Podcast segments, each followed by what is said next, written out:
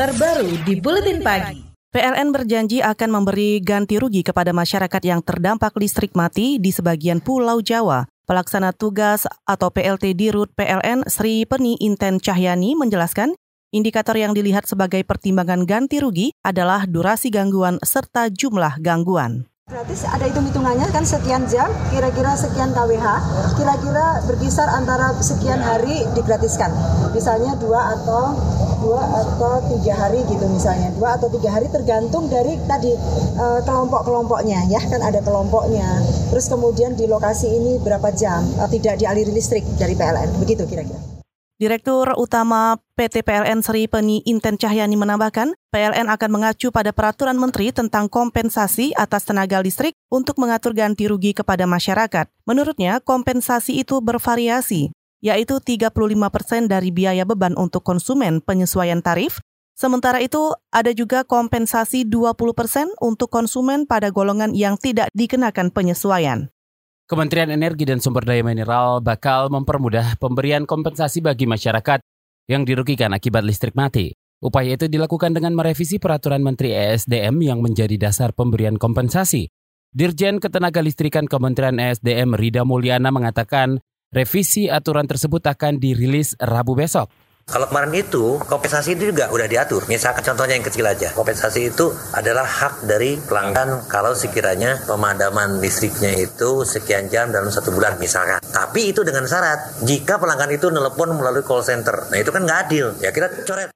Itu tadi Dirjen Ketenaga Listrikan Kementerian SDM Rida Mulyana. Sementara itu, Wakil Ketua Badan Perlindungan Konsumen Nasional BPKN Rola Sitinjak mengatakan masyarakat bisa mengajukan ganti rugi di luar kompensasi yang ditetapkan dalam aturan PLN harus memperhitungkan juga kerugian yang dialami pelanggan. Menteri Komunikasi dan Informatika Rudiantara memperkirakan operator telekomunikasi merugi 100 miliar rupiah akibat padamnya listrik di sebagian wilayah Jawa.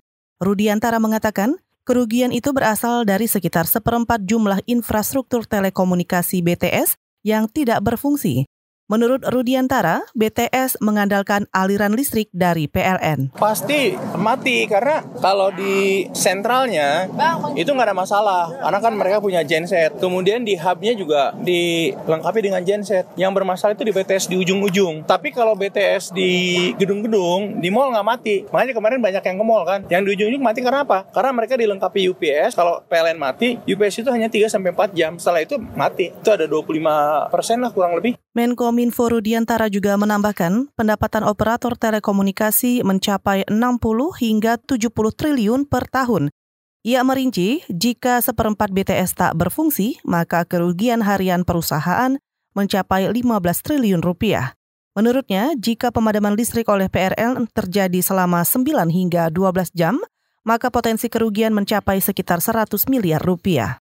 Asosiasi Usaha Mikro Kecil Menengah Indonesia Akumindo menyebut listrik mati yang terjadi di sebagian pulau Jawa menyebabkan turunnya omset pelaku UMKM hingga 75 persen.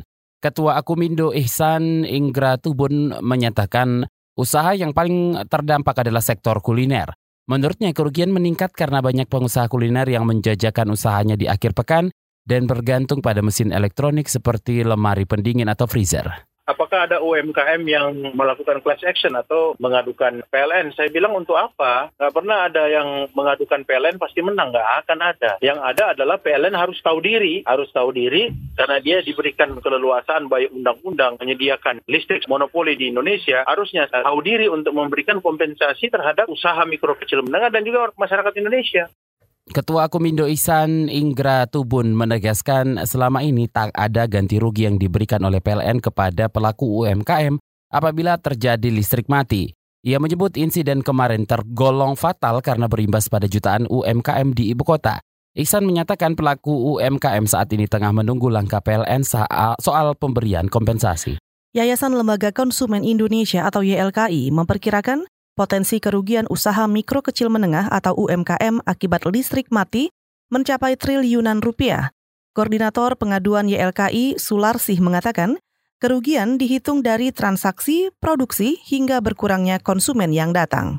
Kerugian realnya aja, kerugian real pada saat itu kan jelas bahwa misalnya kami berdagang hari ini tidak bisa untuk melakukan karena misalnya sumbernya dia adalah dari listrik yang tidak bisa dilakukan sehingga kerugian ada real. Kan ini bisa dilakukan transaksi. Dari transaksi berapa potensi kalau sehari dia melakukan satu transaksi misalnya kan sekarang itu kan akan sangat mudah sekali. Sehari berapa kali dia mendapatkan pelanggan melalui transaksi online tadi.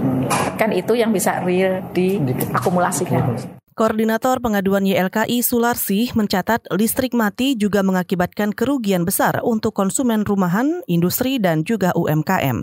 Selain kerugian material, YLKI menilai listrik mati juga mengganggu pelayanan publik. Dengan adanya insiden ini, YLKI bersama Aliansi Peduli Kemanusiaan pada hari ini akan membuka posko pengaduan kerugian konsumen.